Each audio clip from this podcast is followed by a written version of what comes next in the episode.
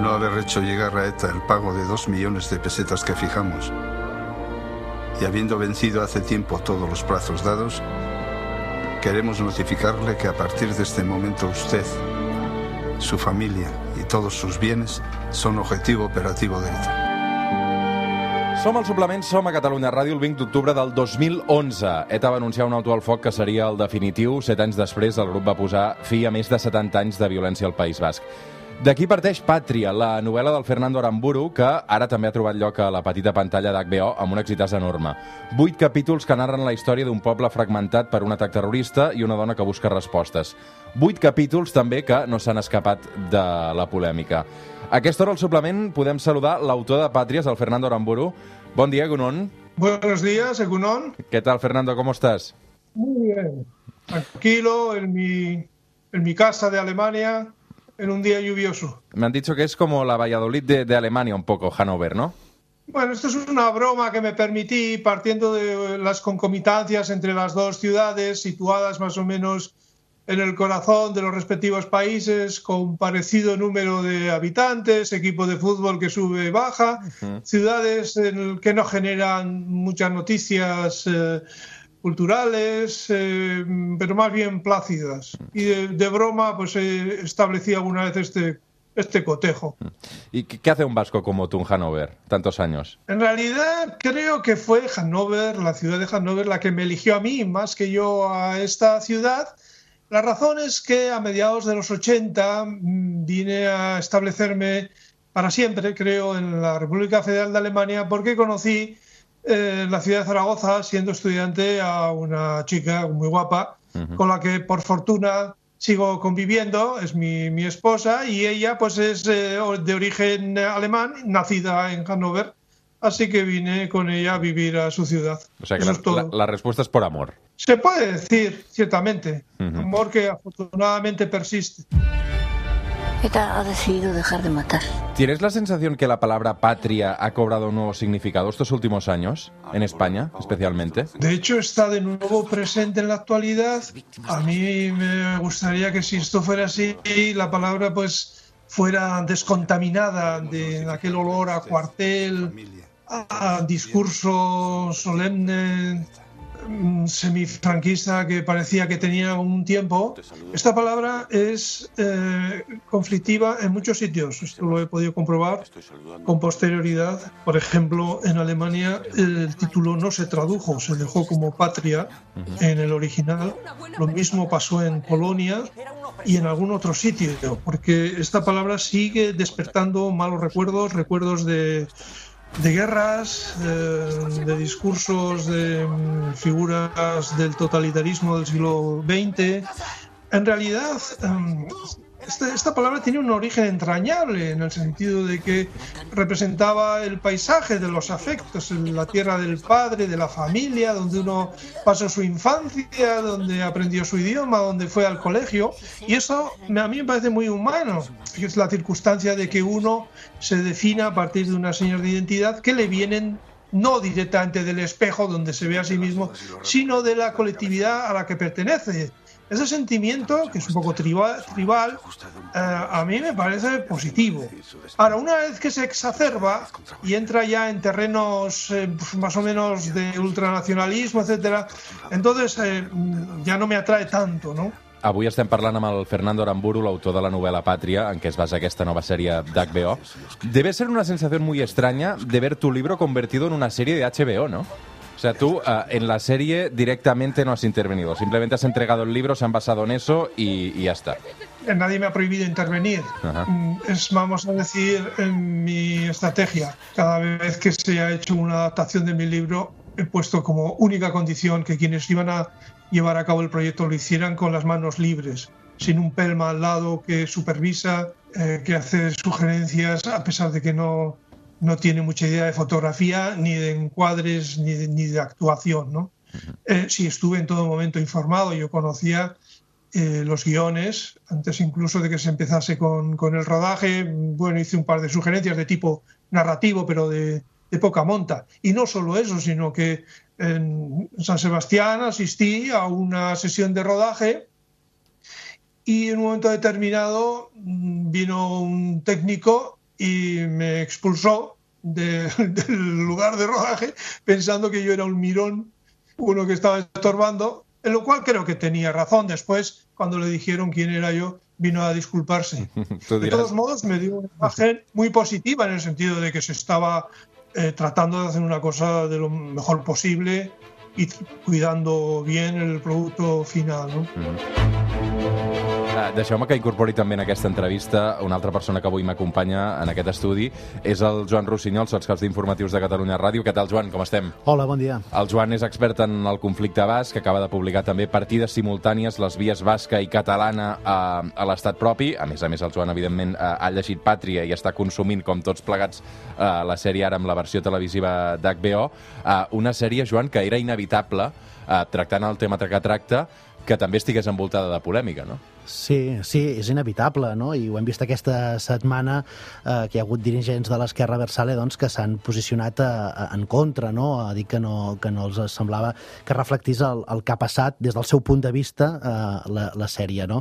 Eh, jo ara escoltant el, el Fernando sí que em, que, que, em, que em xoca, però, o m'interessa, no? des d'un punt de vista periodístic, pensar com en, en un moment en què la pau doncs, a Euskadi ja, ja és un fet, no? Això el Jesús Eguiguren, el socialista que, que té molt molt a veure amb, amb el procés de pau i amb que ETA finalment eh, i sortosament hagi deixat les armes per les seves converses doncs, a Motegi, ell eh, senzillament, quan li preguntes què és la pau, diu, la pau és això, la pau és que no et matin, no? I per tant, quan sembla que la societat basca hagi passat d'una forma molt ràpida eh, pàgina de tot, tants anys de, de, de violència, de terror, d'extorsions, de tantes violències, que ara a la societat actual hi hagi aquest interès per una ficció com Pàtria, per un llibre com Pàtria, això m'interessa molt i em sembla doncs, fins eh, i tot un punt paradoxal. No? És a dir, hi ha un, un gran silenci en tot el que ha passat eh, al carrer, en el dia a dia, i en canvi hi ha un gran interès per ficcions que reconstrueixen tots aquells anys. No? Mm -hmm. uh, Fernando, estamos hablando en catalán, no sé cómo lo llevas, si nos entiendes Pero... o no. Entiendo todo, francamente todo. Muy bien. Pues referente también a la lengua, hay mucha gente que se queja, no?, que no entiende por qué nos parla euskera a, a la serie d'HBO. ¿Qué el responds, Fernando? No, a mí esta, esta objeción que me parece legítima no me parece narrativamente adecuada.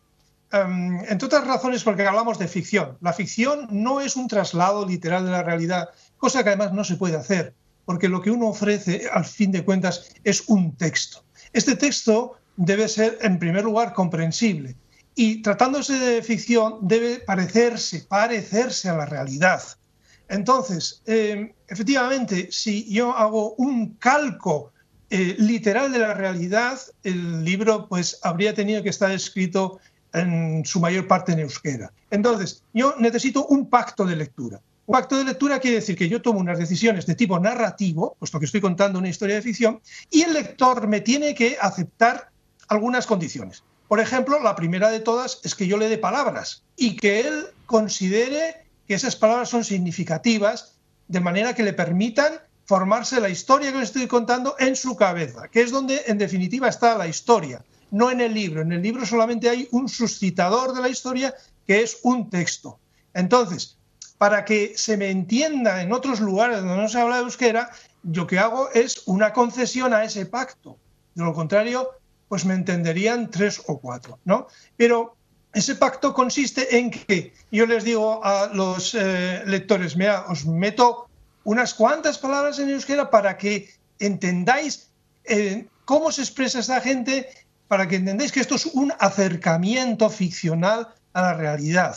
Entonces, esto puede que no funcione en todos los lectores, pero funciona en muchos. Y ya desde un punto de vista pragmático, a mí me parece que esta la solución viable. Entonces, lo que hice fue eh, poner al final del libro un glosario de palabras en euskera, un glosario que tampoco es demasiado extenso, pero que si fuera suficiente para dar un aire de, de vasquidad a la novela.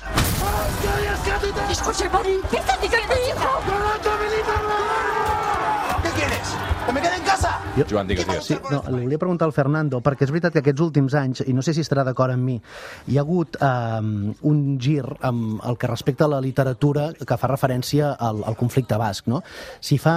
Perquè la literatura sobre, sobre el que està passant no, no comença ara, és a dir, se n'han escrit moltíssims de llibres eh, sobre, de ficció, sobre ETA, sobre tots aquests anys de, de violència, molts d'ells en euskera, i que per això potser no han transcendit també al, al gran públic, però és veritat que si en una època el, el focus es posava molt en, el, en la persona que agafava les armes, fins i tot en alguns casos vist, eh, i molt entre cometes, amb un cert heroisme, ara aquests últims anys eh, el focus s'ha instal·lat més en una literatura molt centrada en les víctimes, no? I penso, per exemple, amb, amb, amb el llibre excel·lent de la Gabriela Ibarra, el Comensal, si no m'equivoco, em sembla que es diu. No sé, Fernando, si, si creus que ara eh, hi ha un interès major per les víctimes, no? Si han sigut els grans silenciats de tots aquests anys i ara els escriptors us interesseu més pel, per aquest patiment eh, secret, silenciós, eh, moltes vegades invisibilitzat per la literatura. I no sé si la literatura té fins i tot un punt d'alguna asignatura pendent eh, respecte a aquestes persones? Lo que pasa que partimos de un binomio que no, que no acepto, que está en el enunciado y es repartir toda la, toda la, eh, la masa humana, vamos a decir así, en, do, en dos grupos, ¿no? agresores y, y, víctimas. De hecho, yo he intentado mostrar en mi novela los personajes en una multiplicidad de facetas, eh, llenándolos del mayor volumen humano posible. De hecho, eh, se puede ser agresor por la mañana, se puede ser víctima por la tarde. Se puede haber sido adepto de agresores y después haberse pasado pues al campo de los detractores. No puede haber víctimas si no hay agresores. No puede haber agresor si no deja víctimas. Es decir, que aquí hay una complejidad que eh, creo que es muy propicia para la creación literaria. Eh, efectivamente, quien ha sufrido daño, pues eh, probablemente si se anima a contar su caso o a hacer ficción a partir o alrededor del caso que sufrió, pues es probable que favorezca em, pues la vivencia de, de las víctimas, ¿no?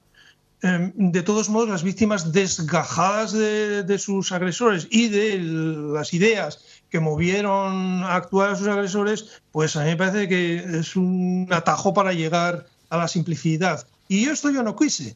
Yo eh, pensé desde el principio, esta novela mía la van a protagonizar eh, nueve personajes, con lo cual eh, la variedad de conductas, de pensamientos, de diálogos será pienso al principio lo suficientemente compleja como para al final crear todo un fresco de distintas visiones, conductas, psicologías. ¿no?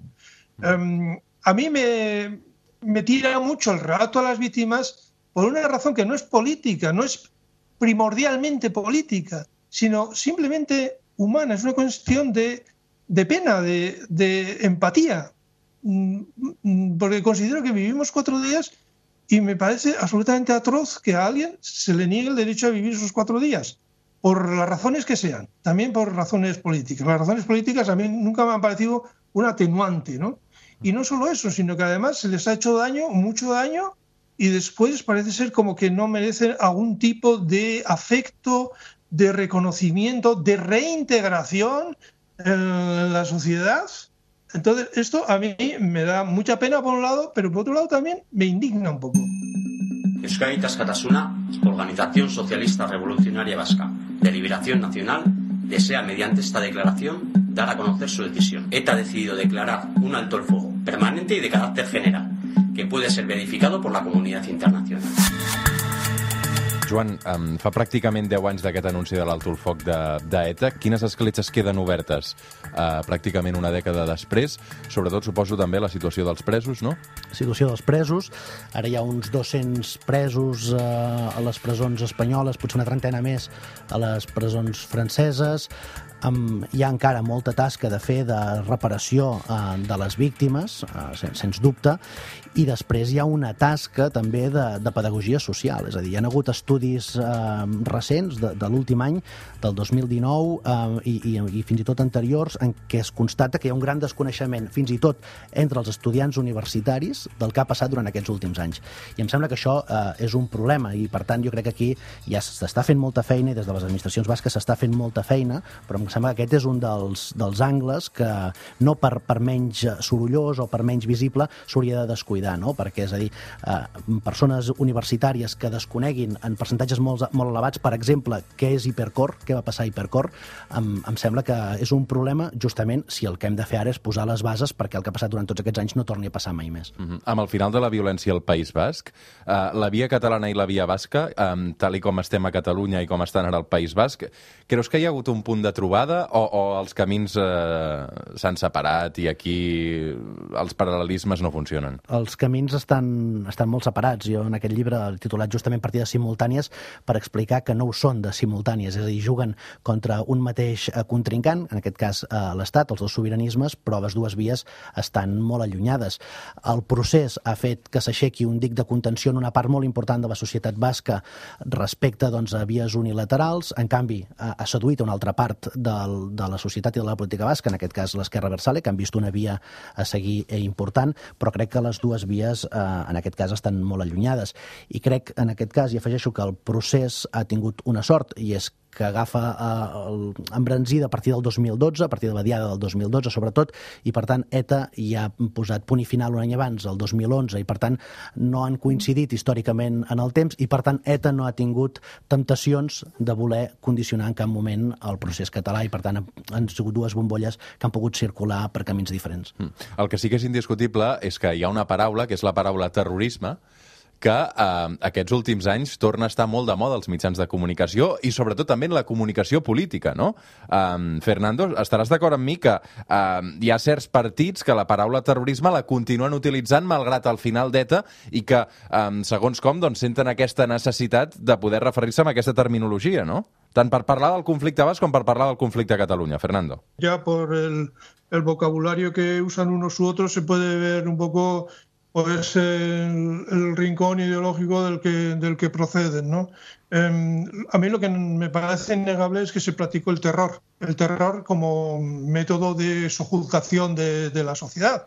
Es decir, la violencia, la amenaza, la extorsión, la discriminación, esto nosotros lo hemos tenido en el País Vasco durante mucho tiempo y me parece innegable. Las, los testimonios, bueno, son múltiples, son muchísimos entonces, eh, yo me sitúo ante esta cuestión pues simplemente como a, aquel que fue contemporáneo de, de estos hechos y eh, quiere contribuir pues a un, a un relato que es el, el, suyo personal desde, desde su perspectiva. ¿no? En cuanto al uso público del lenguaje, bueno, pues me parece una materia de estudio, pero no, no me considero ahora mismo un especialista. Pero yo sí te entiendo, esto lo, no tengo ningún problema en, decirlo, eh, sí tiendo a usar la, la, palabra terrorismo porque es, es efectivamente lo que, lo que tuvimos. Tuvimos fuego, tuvimos bombas, tuvimos eh, pistolas y, entonces el resultado era que, que mucha gente vivía aterrorizada, aterrorizada desarrollando, como ocurre en estos casos, pues eh, comportamientos de supervivencia que a menudo pues eh, llevaban a abrazar las ideas del agresor esto no es privativo a la sociedad vasca, eh, se ha dado allá donde se, eh, se, impuso una violencia de tipo organizado, sistemático. ¿no? En cuanto a lo que digan los demás y el vocabulario que usen, bueno, allá ellos. ¿no? Jo, jo crec, aprofitant el títol de, de la novel·la del, del Fernando, Pàtria, no? és a dir, hi ha una, una diferència important amb el que segurament ha passat a Euskadi durant molts anys, n'hi ha moltes, eh, moltíssimes, eh, amb el que ha passat a Catalunya aquest temps. És a dir, eh, el conflicte basc eh, ha girat molt eh, al voltant d'aquesta idea de pàtria, és a dir, idea identitària no? de, del nosaltres i dels altres. En canvi, el procés català en aquests últims anys eh, ha girat molt més entorn de la idea de, de legitimitat, en la idea de democràcia, en la idea de dret a decidir, més en un terreny de, de les urnes, diguéssim, que no pas en el terreny dels sentiments, de la motivitat. I crec que això, els últims anys, a Euskadi també eh, està canviant, no? Um, jo li vaig fer al Fernando, ell, ell no sé si ho recordarà, però el 2016 li vaig fer una entrevista, en aquell ha cas... Ha fet moltes entrevistes des d'aleshores. De Havia de ser una entrevista molt bona, eh, Era de les primeres, perquè... per La Vanguardia, en aquell cas. Uh, I ell em deia, um, el Fernando em deia, que aquesta novel·la segurament fa 10 anys no l'hauria pogut escriure Um, això, Fernando, eh, és així, no? És a dir, quan aquest tipus de, de reflexions, de, de fins i tot de ficcions com, com la teva, es poden fer només quan tens una certa perspectiva de tot el que ha passat? Ho dic perquè uh, del, del procés català ara s'estan escrivint moltíssimes coses, però segurament d'aquí un temps també tindrem uh, més perspectiva per poder fer fins i tot ficció del que ha passat aquests anys, no? Bueno, para empezar hay una diferencia eh, fundamental con respecto al proceso catalán y es que eh, en Cataluña no ha habido 800 y pico muertos. Porque esto, sí, esto ya sí. determina la memoria, el debate y todo. O sea, no, no podemos poner una alfombra encima de todos esos muertos, algunos niños, mujeres, de todo, todo lo que pasaba, el que pasaba por allí. Esto es un, un elemento eh, inevitable de cualquier recuerdo y de cualquier debate, ¿no? Y yo vuelvo a repetir aquella frase que dije de una manera un poco espontánea, en el sentido de que habría renunciado a, a, mi literatura sobre asuntos vascos eh, a cambio de que no se hubiera producido la historia, la historia que tuvimos. Yo nací en el año 59, el mismo año que se fundó ETA, y toda mi infancia, mi infancia menos, porque entonces no actuaban tanto, pero vamos a decir, mi adolescencia, mi juventud, mientras estuve en Euskadi, pues se desarrolló al lado de este fenómeno, viendo cómo algunas cuadrillas se rompían por esta razón, o cómo pues, eh, los funerales se sucedían, etcétera, etcétera. O sea, eh, desgraciadamente esto fue así. Yo habría preferido que no hubiera ocurrido. Esto no quiere decir que no sea legítimo que algunas personas tengan ciertas aspiraciones soberanistas, etcétera, y, y, trabajen por ellas pues de una manera, pues, como decimos, democrática, las instituciones o manifestándose en la calle, pero no matando a los demás. Eso no puede ser.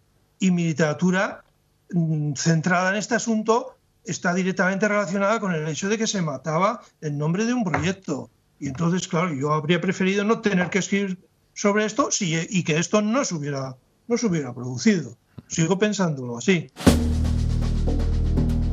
Això és el que ens explica el, el Fernando Aramburu des de Hannover i jo li agraeixo molt també al, al Joan Rossinyol que avui ens hagi acompanyat eh, en aquesta conversa amb el Fernando. Moltes gràcies, Joan. A vosaltres. Recomanem també a partides simultànies les vies basca i catalana a l'estat propi. Aquest és el llibre del Joan Rossinyol.